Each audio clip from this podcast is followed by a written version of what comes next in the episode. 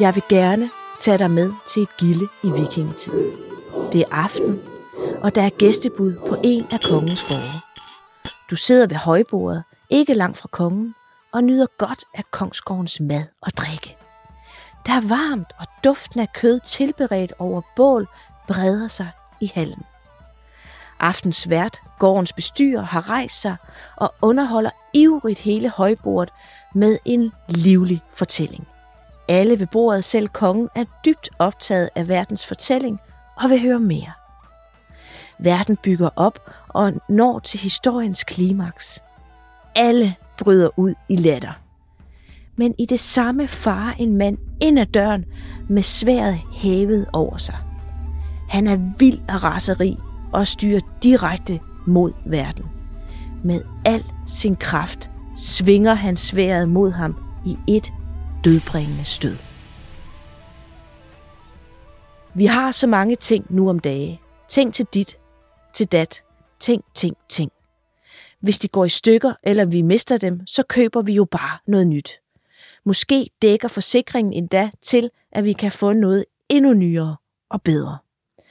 Men sådan var det altså ikke i vikingetiden. Dengang skulle man slide og slæbe, hvis man gerne ville have noget. Og hvis man mistede det, måtte man igennem det samme igen. Hvis vikingerne så den måde, vi forbruger og smider ud på i dagens Danmark, ville de nok græde. Og vikinger, der græder, er altså en sjældenhed ud over det sædvanlige. Vi kender faktisk kun til én episode, og den handler netop om én ting, der havde krævet blod, sved og tårer at fremskaffe. Nemlig den berømmede sejldu, som drev vikingernes legendariske skibe fremad. I dag skal jeg fortælle dig om, hvordan der skal et helt samfund til for at sende bare et enkelt skib afsted på togt. Vi skal tilbage til starten af tusindtallet. Vi skal til Norge og høre en historie, som også kan give os indsigt i vores danske forfædres følelsesliv.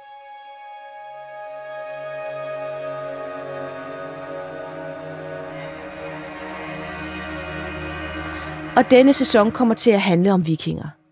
Du har jo nok lagt mærke til det, men sporene fra vikingerne er overalt. På din stryns lever på steg, dansk fodbold merchandise, stoplyset i Aarhus.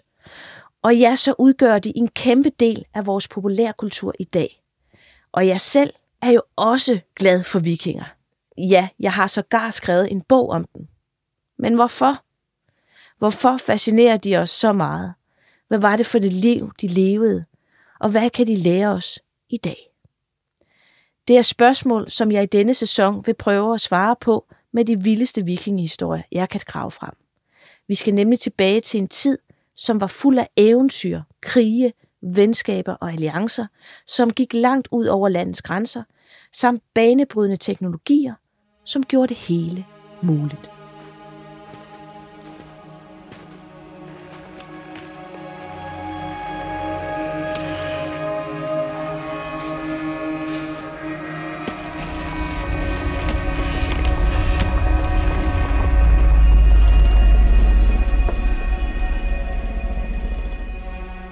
Skal jeg fortælle dig om den grædende viking.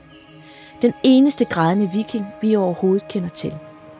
Og jeg vil forsøge at komme helt ind i hjertet på vikingerne, for at forstå, hvad der egentlig kan få en viking til at græde. Og derfor skal jeg tale med dig, Ulla Mallering. Du er professor i forhistorisk arkeologi, og så ved du en hulens masse om fortidens tekstiler. Og nu kan jeg lytte, kan jeg jo ikke se Ulla, men hun er altid utrolig velklædt i de lækreste tekstiler. Så Ulla, er det sådan en arbejdsskade, du har, at du ikke kan gå forbi en lækker jakke med en god vævning, uden at den skal med hjem? Det tror jeg faktisk, det er. Hvis man øh, brænder for tekstilerne, så opdager man jo ikke bare i det forhistoriske materiale, men alle vejen omkring en er der lækre tekstiler. Og det er jo en, øh, så det er, tror jeg, er lidt en, øh, en, en effekt af, at man jo er så fokuseret på overflader og materialer, at øh, selv øh, når man så holder fri, og det handler om ens privatliv, så kan man simpelthen ikke holde op med at, at, at have de øjne på.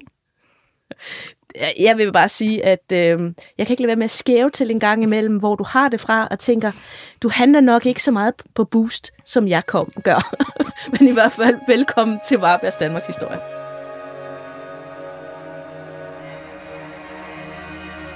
Dagens historie er beskrevet i Olav den Hellige Saga. Vi befinder os på Trondenes i Norge omkring starten af 1000-tallet. Ulla, hvad er det her for et sted, vi skal til? Ja, det er jo virkelig sådan et, et rigtig klassisk vikingelandskab og et liv, som afspejler hele, kan man sige, det spændende og det svære ved at være og leve i vikingetiden. Vi, øh, vi hører her om nogle mennesker, som, som lever langt for os og se op i Norge, øh, i øh, øh, et, nogle landskaber, som selvfølgelig er udfordret af, at, øh, at øh, det kan være svært at, at dyrke jorden, men de har til gengæld en masse ressourcer, øh, andre ressourcer. De har vandet, de har sæterne, de har baglandet med masser af, af floder, og de har så altså, det er nogle mennesker, som forstår at udnytte deres ressourcer på bedst mulig vis, men som også til tider måske kan være trængt, når, øh, når de dårlige tider kommer til. For de er selvforsynende, de her mennesker. Ja, det er jo lidt et barsk landskab deroppe i Norge, også i forhold til det lille lune Danmark. Er det ikke det? Jo, det må man sige. Altså, hvis man er øh, en klassisk bonde, så, så skal der jo også noget mere til, for at, ligesom, at man kan ud, gå ud og udnytte kan man sige, mere den vilde natur og de ressourcer, som selvfølgelig vil være omkring dem. Så der er nok ret stor forskel på at være øh, en bonde i det danske landskab og en bonde op i det nordnorske. Så det barske landskab skaber barske folk. Det må man sige. Og i det her barske landskab, så vokser der en dreng op ved navn Asbjørn, som i sagaen beskrives som lovende i sin opvækst. Øh, ham her, Asbjørn, vil du fortælle os lidt om ham? Ja, altså han kommer af en rigtig god familie, øh, og de har formentlig et ret stort landområde, som, øh, som er deres øh, ansvarsområde, hvor der og sikkert er en hel masse gårde og en masse mennesker knyttet til. Han, øh, han kommer altså af en, af en øh, ret velhavende familie, øh, Øh, og han er vokset op med et ansvar for, at han har ansvaret for ikke bare øh, den nære familie, men alle de gårde og små enheder, som hører til til de her om, landområder, som, som de står for. Det er ret sjovt, når man læser kilden, så øh, bliver han jo beskrevet som, du, som du siger, lovende. Han er også, man beskriver også hans yder, han, er, han ser godt ud, og det er ligesom, kan man sige, i, i vikingtidens, eller i den her tids øh, beskrivelse, så er det her med at se godt ud og være pæn og, og er ligesom på en eller anden måde nogle ekstra kvalifikationer, som viser, at man også er et godt menneske. Så man, man, man skuer ligesom hunden på hårene i vikingetiden. Kan vi komme lidt nærmere på, hvad, hvad pæn vil sige i, i vikingernes verden? Ved vi overhovedet det? Altså, vi hører tit om, altså, at de er, de er ret fascineret af folk, som ikke har alt for mange skavanker og ser smukke ud og har stort hår. Og, øh, I virkeligheden sådan er, er, er, er, er smukke mennesker, måske har pæne tænder. De, de, de bemærker tit sådan nogle, sådan nogle ting ved folk, og det er i sig selv en kvalitet.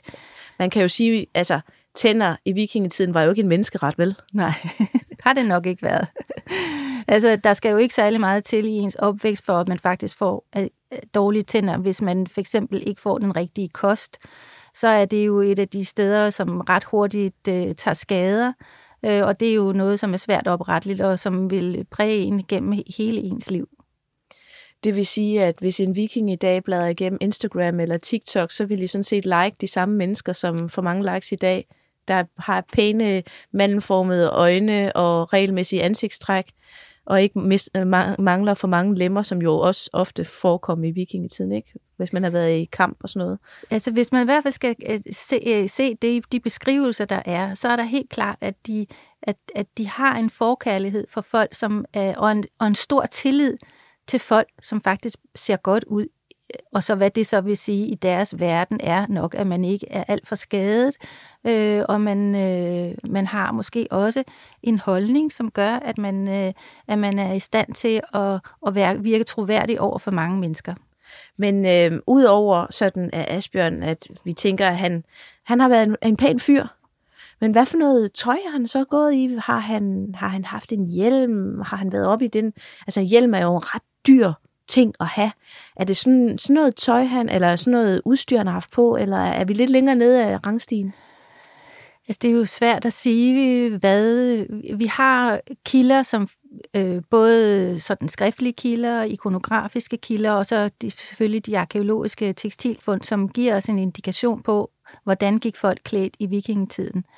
Øh, men der er meget, meget stor forskel på, hvad vi, det vi kan udlede af, hvad man graver folk i. For her, det er jo en helt særlig kontekst, hvor man laver et skue øh, i forbindelse med en begravelse, og, og når vi ser det, så er det oftest højstatusgrave, hvor vi ser, at der er rigtig mange forskellige slags beklædningsdele, og der kan være mange luksusvarer i det, øh, meget dekoration på dragten. Men i hverdagslivet, hvor man jo faktisk har skulle øh, øh, klare både at bevæge sig i, i, i vekslende klimaer, og at man også har haft mange arbejdsfunktioner. Der tror jeg, at de har haft noget ret praktisk tøj på. Øh, men det materiale, som de bruger til at lave al deres beklædning af, er enten plantefibre, det kan være hør, øh, tekstiler, eller det kan komme fra øh, animalske fibre, altså fra primært fra får. Så det er de to, uld og hør, som er hovedmaterialerne til, de laver deres dragter af. Okay, så det, man, man kunne forestille sig, at han måske har haft et, et, et lidt pænere sæt, øh, måske, og så har han haft det, som han har arbejdet igennem på. Ja, og det, det har han sikkert. Sådan en som Asbjørn, han har haft nok både noget, som han øh, kunne øh, have gå, øh, og vise sig frem i, og så har han haft noget lidt mere praktisk øh, tøj til hverdag. Men, men, øh, men jeg tror ikke, at, øh, at det har været sådan, så de har haft rigtig meget tøj. Jeg tror, at, øh, og det skal vi nok, at det er en meget stor forskel i, også i forhold til i dag, at de har haft forholdsvis begrænsede mængder tøj, selv velhavende mennesker. Om det meste af det tøj, de har haft, det har til gengæld været så godt lavet, så det har holdt i mange, i mange, mange år. Og måske endda har været noget, der har gået i arv igennem generationer. Det er et karakteristika for, for tekstilerne fra vikingtiden, at de er vældig, vældig godt øh, lavet, sådan så de kan holde rigtig lang tid.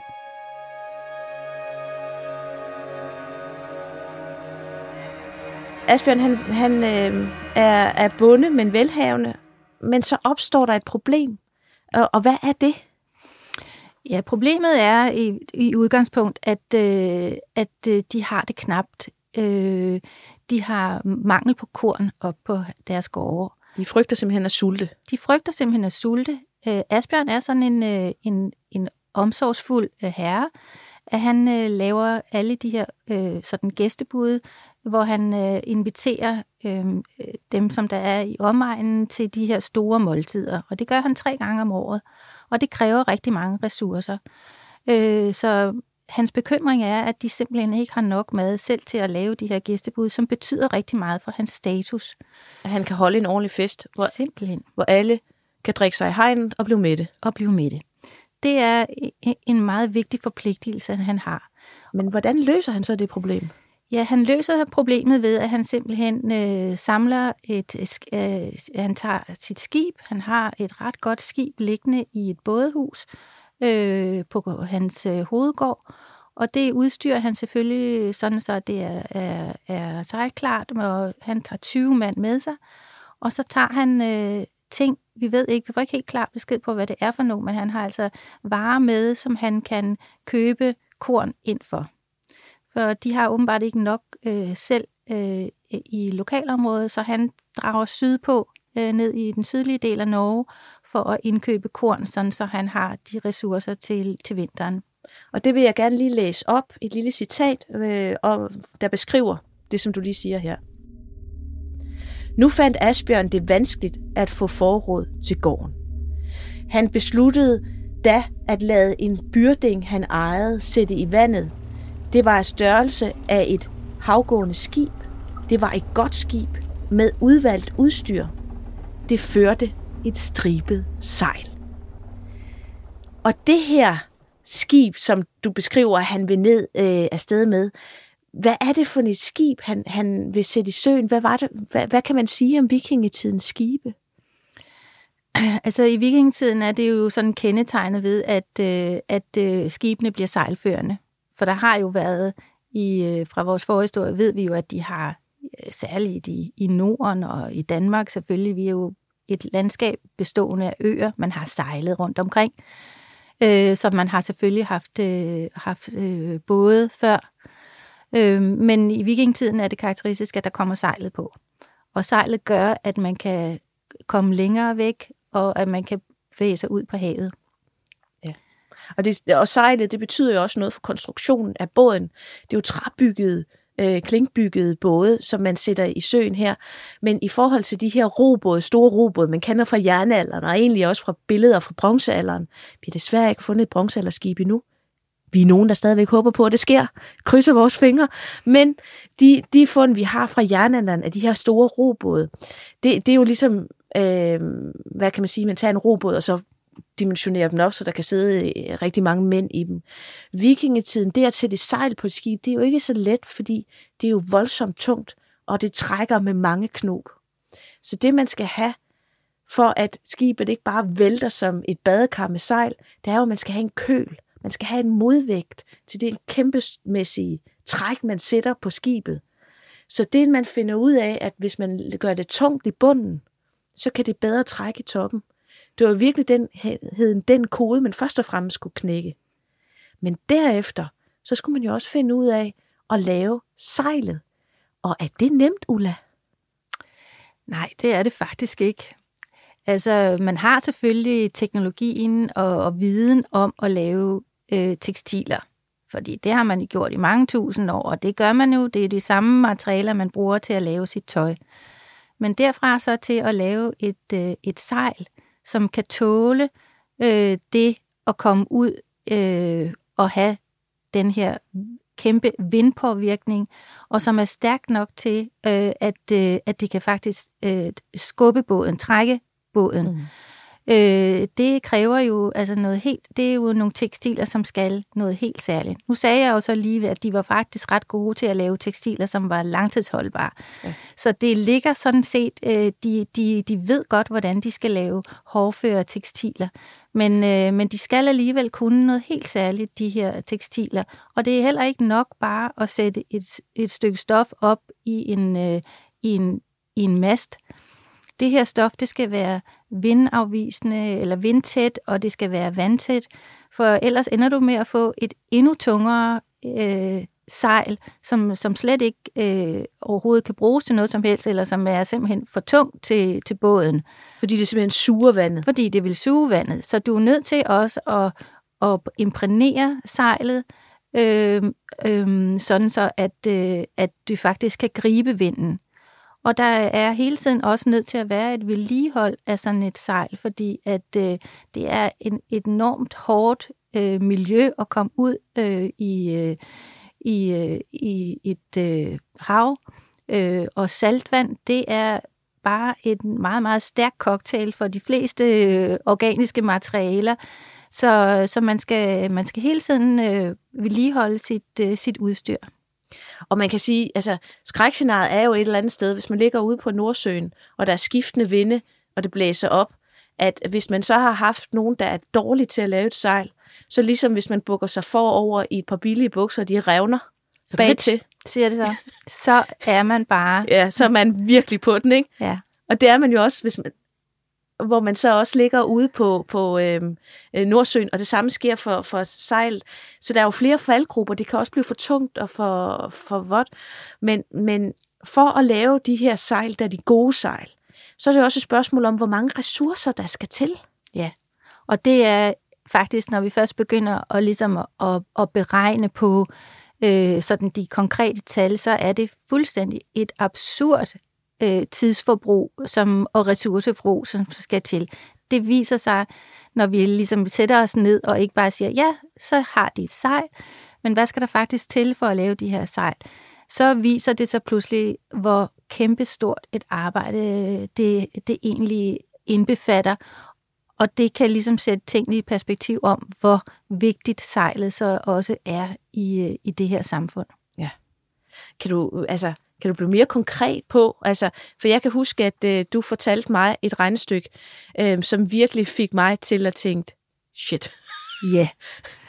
Altså, man kan sige, hvis vi nu tager for eksempel en stor båd, og den her, det her er måske også et sejl, som er lidt større end det as, sejl, som Asbjørn har. Men til nogle af de store øh, skibe, øh, som vi kender fra, fra vikingetiden, øh, der ligger de fleste sejl på i hvert fald mellem 100 og 130 kvadratmeter. Så det er altså... Det, det er sådan en lille parcelhus jo. Det er et kæmpe stort areal, når vi ligesom, kan vi sige, vi forestiller os, at vi lægger det ned. Som regel, altså, så tænker vi, at det ligger et, et, et stykke stof, som er 10 gange 12 meter. Lad os bare sige, det giver 120 kvadratmeter. Det er jo ikke noget, man kan væve på én væv øh, af én omgang. Det er faktisk noget, som, øh, som tager rigtig lang tid, og som skal gøres i flere forskellige tempi.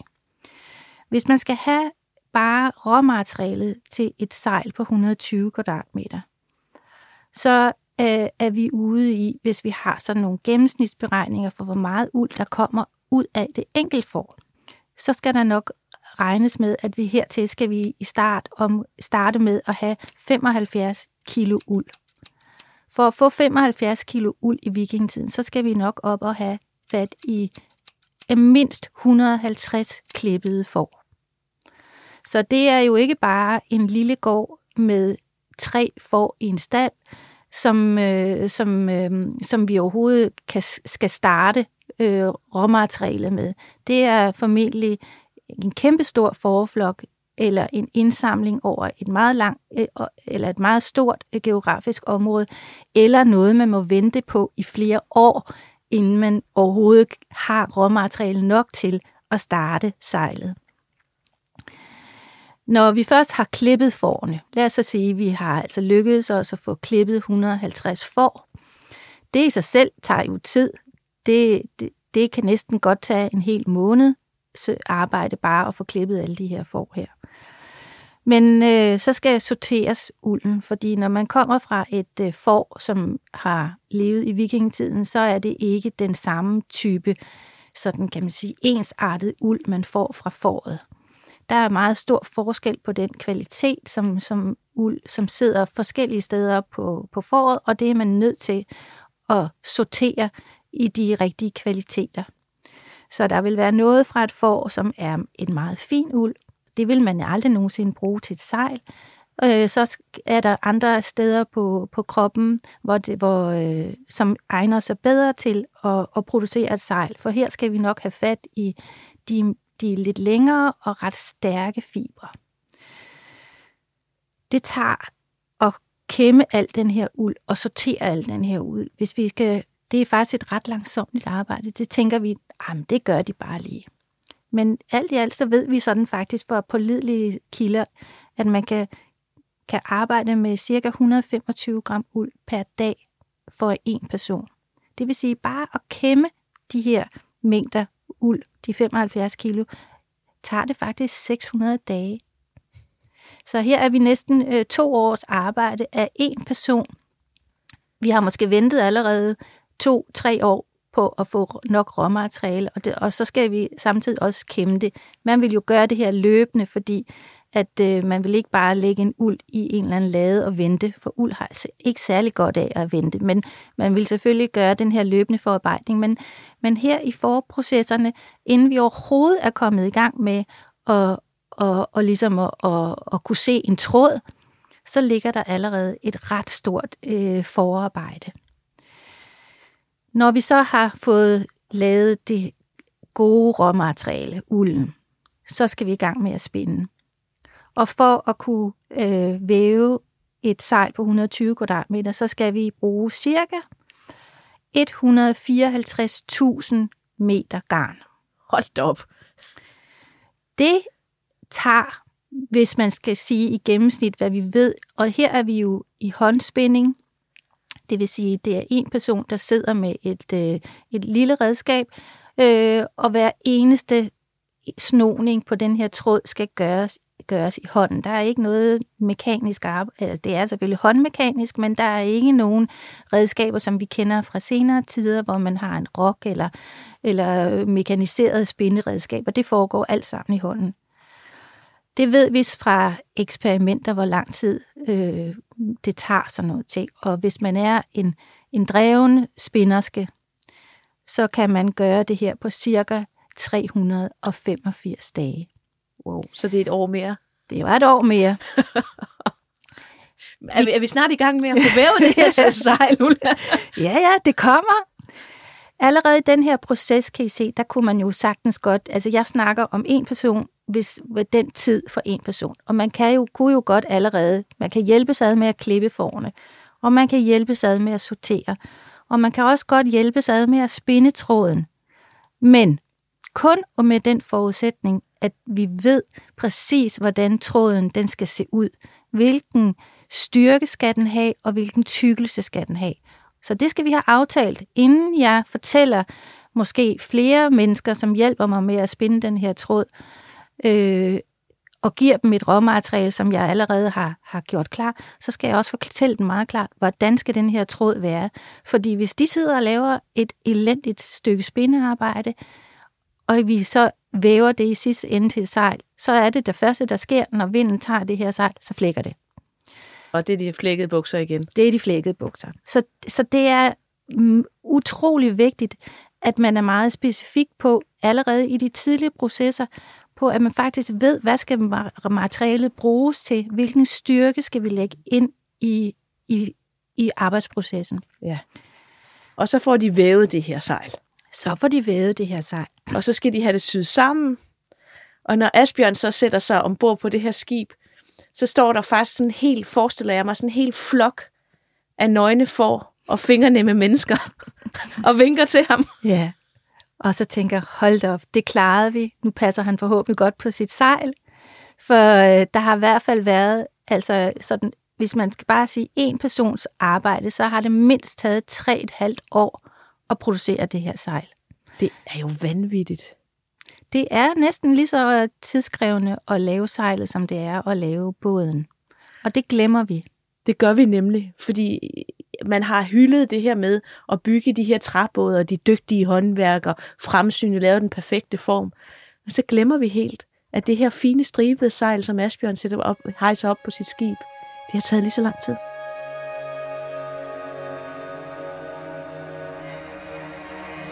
Asbjørn har tænkt sig at hente korn til gården, og han har søsat sit skib, han har fundet sit mandskab, og han er klar til at sejle ud fra Trondenes. Og hvor, hvor er det så, han skal hen? Ja, nu så tager han sydpå. Han tager faktisk ned til øh, sin øh, onkel. Altså, hvad er det, han vil nede ved sin onkel? Jamen, han skal jo han skal købe korn. Det er bare så super uheldigt, at øh, den her knaphed, som, øh, som de mærker op nordpå, øh, mærker de åbenbart alle steder i, øh, i Norge.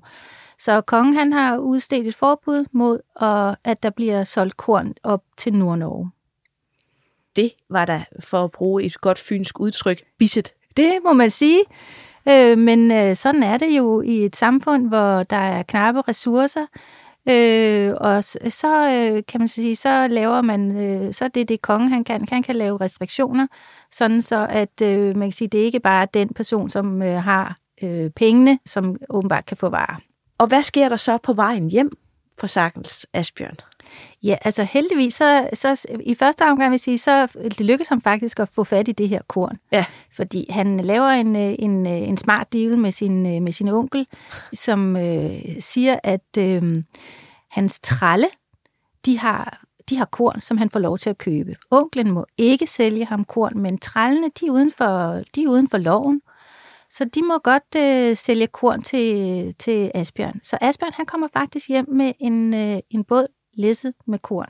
Så Asbjørn han er, han er super glad.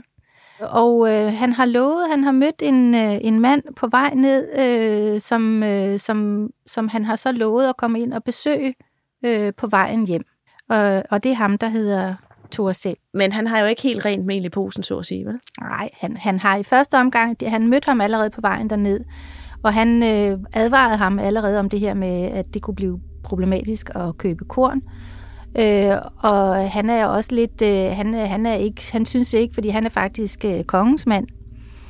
Øh, han synes heller ikke, man kan godt høre på ham, at han synes ikke, det er okay, at de har lavet det her fiksfakteri øh, med det her kornkøb øh, fra trallene. Det er, sådan, det er lige lovligt alternativt, synes han nok.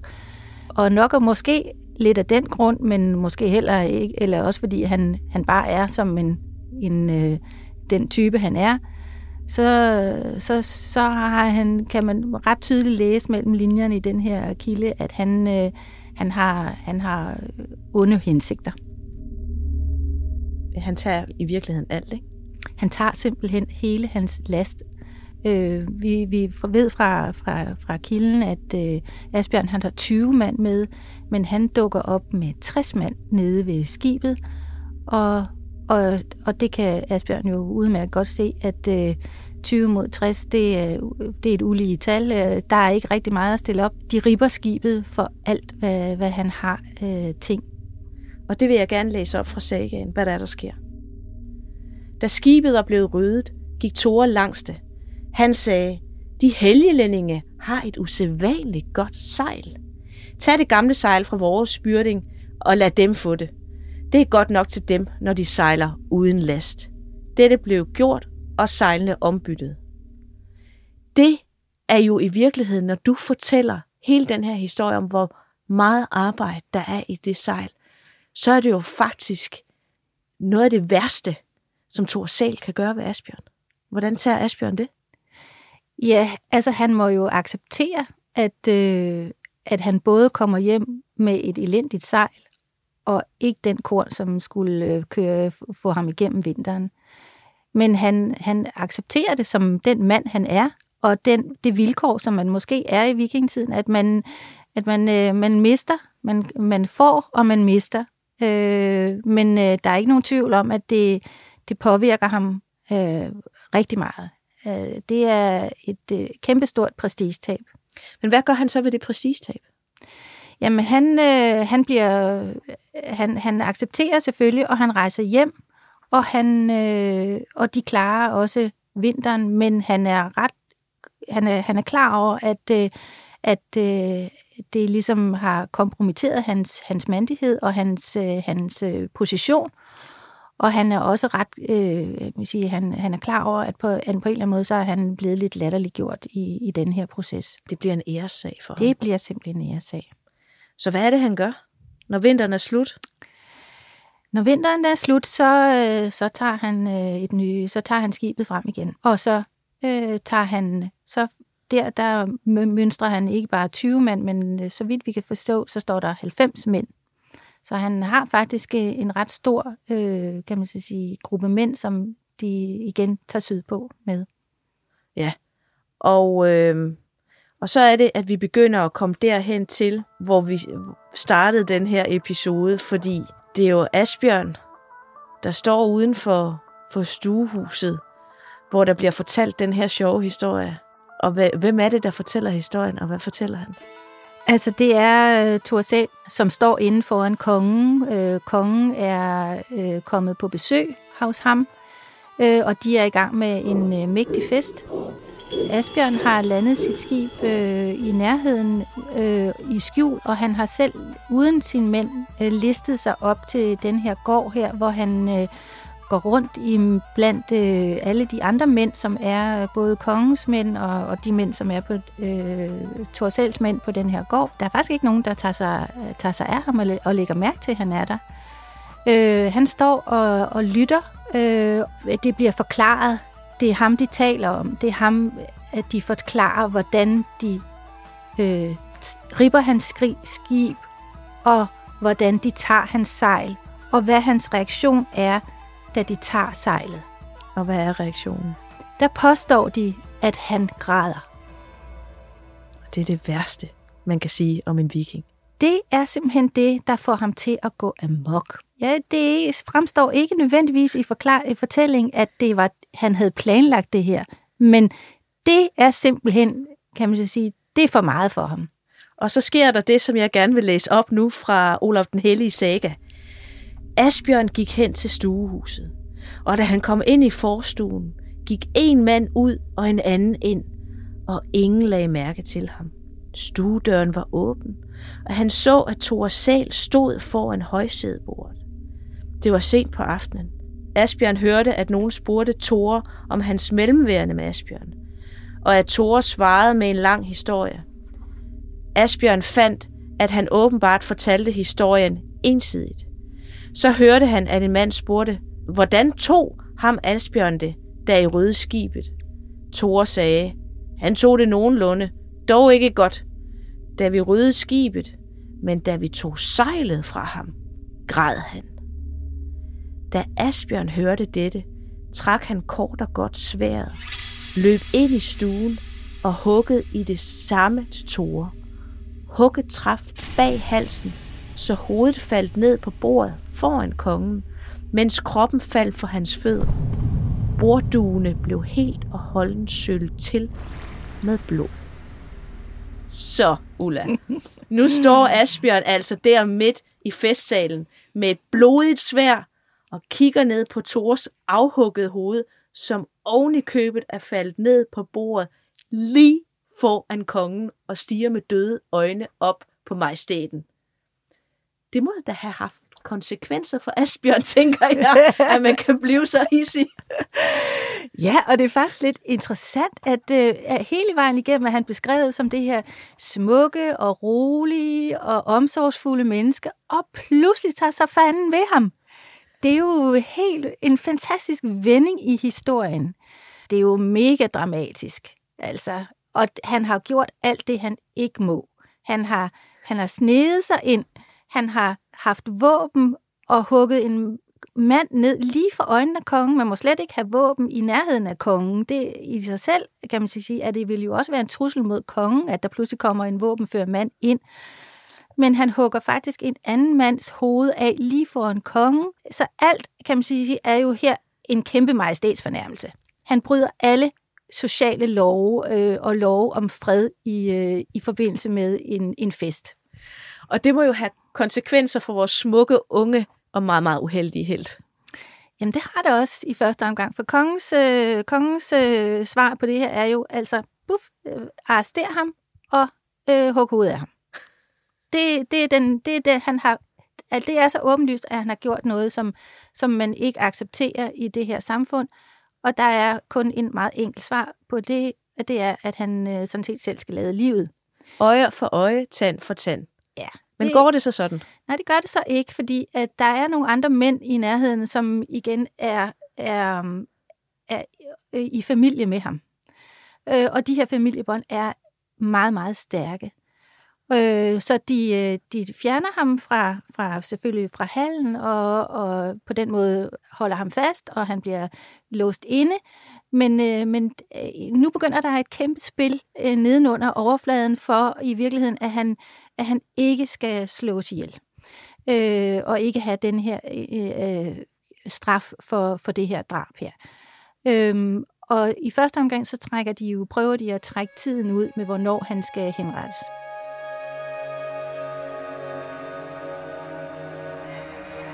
Men gør de det her egentlig, fordi de synes, det er synd for Asbjørn, eller er der noget større på spil her? Der er flere ting på spil. Og formentlig så kan man så sige, de andre mænd, som har siddet i, i det her selskab, det er jo ikke sikkert, at de har synes, at det var okay at gøre grin med ham på den måde, som Thor Sal, han, han, han gør. Thor Sal, han gør sig øh, øh, kan man sige, bekostelig og, og, og, og morsom med en anden mands ære, og, øhm, og, og det er ikke sikkert, at alle i det her samfund har synes, at altså, han, har også, han har også gået over stregen på en eller anden måde. Og det her med at forsvare sin ære, tror jeg er noget, som, som de formentlig alle kan genkende til, og det er faktisk vigtigt. Mm.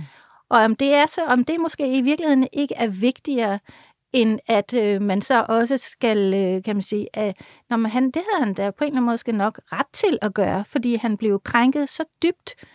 Så, så det er bare naturligt at forestille sig, at, øh, at man vil handle i, øh, i den her sådan for os lidt mærkelige effekt. At man kan sige, at det tager øh, nutidens krænkelsesdebat til next level, ikke? det gør det bestemt. havde det været i vikingetiden, så havde der rullet hoveder med andre ord, ikke? Ja. Men hvad er det så, det ender med, at Asbjørn skal gøre? Og genvender han sin ære på det? Han har jo en, en meget stærk familie, som øh, øh, går foran ham og, og, og mere eller mindre tvinger kongen til at øh, acceptere, at øh, Asbjørn skal ikke slås ihjel, øh, men at han faktisk skal øh, erstatte den øh, position, som Thor selv havde som kongens mand øh, på den gård, hvor Thor selv han øh, også blev slået ihjel. Og, så, så han flytter sådan set ned til der, hvor, hvor Thor selv har en masse øh, allierede familie. Det er kravet så fra kongen. Hvis, jeg ikke skal, hvis du ikke skal, skal dø for det her, så er du nødt til at træde i den mands sted, som du har slået ihjel. Så der er jo faktisk ikke nogen vinder på den her, i den her historie? Øh, egentlig ikke, men, det, men vi får besked på så allersidst i historien, at øh, det gør Asbjørn faktisk heller ikke. For igen her, der kommer der et, et, et, øh, et sjovt æresbegreb ind, fordi Asbjørn han stikker simpelthen af øh, op nordpå, op til sin egen gård, og der bliver han. Han fuldbyrder ligesom aldrig kongens vilje om, at han skal øh, blive kongens mand. For det i sig selv for Asbjørn og Asbjørns familie er virkelig også en, kan man så sige, en, en ærestab. Det er næsten det samme som at være træl i deres øh, mentale øh, verden, mm. som at være kongens mand og skulle tralle for kongen. Mm. Så han, han, han, øh, han, øh, han lister afsted mod øh, nord, og der bliver han nok op resten af sine dage. Ja, og det er ikke særlig mange. Men altså, Ulla, hvad er dit bud? Er den her, handler den her historie om en mand, som græd, græd fordi de tog hans sejl? Eller, eller er der, altså jeg kan jo fornemme på din forklaring, at der er noget mere på spil, ikke? Der er helt klart noget mere på spil, men jeg tror for, for, for tilhøren har det her med, at man kan sige, ja, de tager al hans mad, de tager al hans korn, de tager alt, eller hvad det nu ellers han har var. Men det er, der er alligevel et element af, at det, der virkelig altså det, der får det bedre til at flyde over, det er sejlet. Det er hans, hans stolthed, og det er øh, hans, øh, kan man sige, en, en enorm ressource. De kunne lige så godt have taget båden for ham i virkeligheden. Altså, øh, så så, så det, det er jo et enormt prestigetab, øh, og de rammer ham øh, virkelig hårdt økonomisk, fordi en ting er, at man, han kan måske ikke fik ikke det korn med, han skulle være. Men hvis han ikke har noget sejl, så har han slet ikke nogen ressourcer for ligesom at rejse sig igen. Så i virkeligheden, så, så var det reelt nok måske, at han græd, og han i virkeligheden var flov over, at han kom til at græde over sit sejl. Ja, vi må jo stille spørgsmålstegn ved, om, om han græd eller ej. Det er Thor selv, der siger, at han græd, og han er jo... Men jeg tænker, prøv ja, her, han ja. hugger hovedet af manden foran ja. kongen, så plejer det at gøre så ondt, fordi det er rigtigt. ja, der, jeg tror, det er meget sandsynligt, at han har, har grædt. Det vil jeg også have gjort, hvis det var øh, mit sej, der, der forsvandt. Og han, øh, og han har jo nedgjort ham på alle måder. Han har ikke bare Altså, han giver ham jo godt nok et andet sejl, men han fortæller ham jo også, at, øh, at han kan godt få et dårligt sejl. Så han på alle måder, så, så at bliver det her sejl jo et symbol på, at han ikke er øh, værdig, at han ikke har så høj status som, som alle andre. Så, så, så på alle fronter, så, så, øh, så mm, kan man så sige, bliver, bliver det her sejl jo et, et spørgsmål om ære. Et spørgsmål om ære er jo i virkeligheden det, der har været den drivende faktor for rigtig mange mænd og kvinder i vikingetiden. Men også det her med, at, øh, at det måske også var, var stedets stolthed, at der har stået nogle tekstilhåndværkere med blødende fingre for at få lavet det her prægtige stribede sejl, som jo også var symbolet på den fremtid, der ventede den lovende, smukke Asbjørn. Mm. At han, verden lå åben for ham, og lige pludselig tog de den vindmotor, den teknologi, der skulle drive ham ud i verden, og i stedet for, så dør han hensynene på sin gård i mørke. Nu har jeg sagt, at det er øh, exceptionelt, at en viking græder, og, og Asbjørn bryder ud i tårer og hugger hovedet af ham, der påstår, at han har gjort det. Er vikingerne virkelig så hårde bananer, at det at, øh, at græde er, er så exceptionelt? Altså, det er jo, jeg synes i dag, som, som, som moderne menneske, er det super svært at forestille sig, hvordan, altså, at græde er jo en, en menneskelig reaktion, tit noget, vi oplever, når vi bliver virkelig, altså når vi oplever sorg eller afmagt, så reagerer vi jo i dag med gråd. Øh, og det er jo en, en, en almen menneskelig følelse. Det er meget, meget svært at forestille sig, at man i et samfund, som han har levet i, som er super anderledes råt, og øh, hvor de har oplevet savn og afsavn på en helt, at man ikke i til tider skulle reagere med at kunne græde. Så selvfølgelig kunne en viking også græde. Og, men der har været nogle sociale øh, konventioner, nogle normer om, i hvilke sammenhænge man må græde.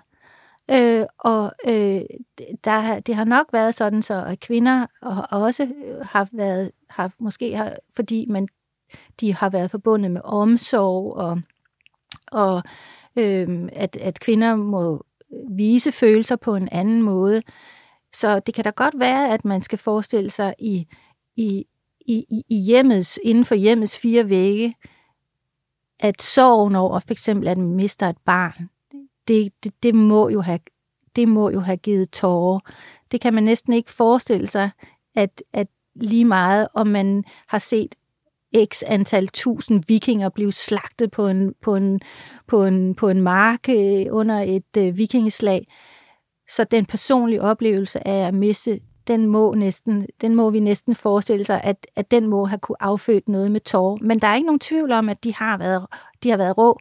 De har ikke grædt offentligt. De har og ikke grædt offentligt. Og det er vel i virkeligheden det, som Thor Sæl an, anklager Asbjørn for. Præcis. Han bryder sammen foran alle de mænd, der står og ved at plyndre skibet. Ja. Og det må man ikke. Det er simpelthen bare øh, det allermest fornedrende, man kan sige om folk.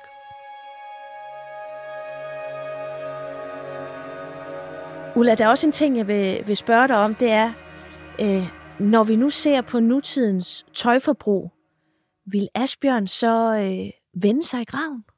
Ja, det tror jeg. Altså i første omgang, så fordi at øh, de fleste vikinger, de, vi kan jo se, at de elsker de elsker pling og bling og glitter og, og guld og, og sølv og silke. Øh, men jeg tror faktisk, øh, så, altså, så han ville nok, øh, han ville jo nok øh, synes, det var ret fantastisk. Altså alt det, kan man sige, exceptionelle tekstiler, som vi alligevel har i dag. Altså vi, vi render i hverdagen rundt i glimmer og, og guldstrik og silke og hvad vi er. Så jeg tror, han vil, han vil spære øjnene op, og han vil sikkert med stor fornøjelse kaste sig ud i, øh, i indkøb af, af exceptionelle øh, tekstiler. Jeg tror faktisk, han kunne, kunne være sjovt at forestille sig, at han ville også gå over grænsen for, hvad vi forestiller sig, at mænd og kvinder kan gå med. Bare på grund af hans, hans, hans trang til det exceptionelle og, og luksus. Men på den anden side, så tror jeg også, at han vil ret hurtigt opdage, at, øh, at det, som tøj, vi går med i dag, er slet ikke øh, tilpasset hans krop. Altså, han... Øh, Hvordan altså, mener du det? Altså... Ja, altså, vi er jo vant til at have i dag øh, ting på, som, som sidder meget stramt på kroppen. Vi har mange lag tøj på. Øhm, vi har undertøj og underbukser og strømper. Men man kan sige, ja, han, jeg tror, han, vil, han, har, han har nok... Han, hans tøj, hvis vi skal se den viden, vi har om, hvordan... Øh, så er det faktisk noget tøj, som er meget, meget behageligt, og som hverken strammer eller snærer, eller, eller øh, giver øh, en, en, en, en fornemmelse af, at kroppen bliver låst inde eller holdt fast. Og det tror jeg faktisk altså, er en, øh, en meget, meget stor forskel fra, hvordan øh, vikingetøj ser ud til det tøj, vi har i dag. Det tror jeg, en viking vil stride voldsomt imod. Så han ville ende med at ligne amerikansk rapper i før joggingtøj og store gyldkæder? ja, det tror jeg. og uden underbukser. og uden underbukser og uden strømper. Og det får mig jo virkeligheden til at tænke på, at, øh, at vi kan lære den her historie, at øh, godt håndværk, godt tekstil kan holde i rigtig, rigtig mange år. Og at man skal vise tingene respekt og passe på dem, fordi de har en virkelig stor værdi. Og jeg må jo også bare sige, at så kan jeg jo som øh, øh, ikke tekstilarkeolog jo lære af sådan en som dig, Ulla, øhm, og håbe på, at jeg måske engang kan arve noget af din garderobe, hvis du bliver træt af at gå med det, eller lære mig, hvor jeg finder det. Fordi det er jo også noget af det, som jeg skal tage stilling til øh, med mit tøjforbrug. At, at man har ligesom en tendens til, det har jeg i hvert fald, jeg er utrolig glad for at, at shoppe tøj, og det er forholdsvis billigt, så, så nogle gange så tænker man, nå ja, det er på udsalg, det var i stedet for at tænke på, hvilken ressourcetræk der ligger bag ved tøjet, fordi det ressourcetræk, du har fortalt mig, der tager at lave et, et, øhm, øh, et sejl, det glemmer vi jo, der også er et ressourcetræk bag det billige tøj, vi har i dag. For selvom prisen er lav, så er indsatsen jo stadigvæk høj. Det er helt rigtigt. Altså, vi, vi glemmer, at øh, bag hvert eneste tekstil, der står altså et menneske og en masse forskellige hænder, øh, og en masse ressourcer. Og det er bare sådan, at øh, fordi de ikke, vi, vi ikke har det sådan præsent længere, det foregår ikke i vores eget land længere, vi kan ikke se det.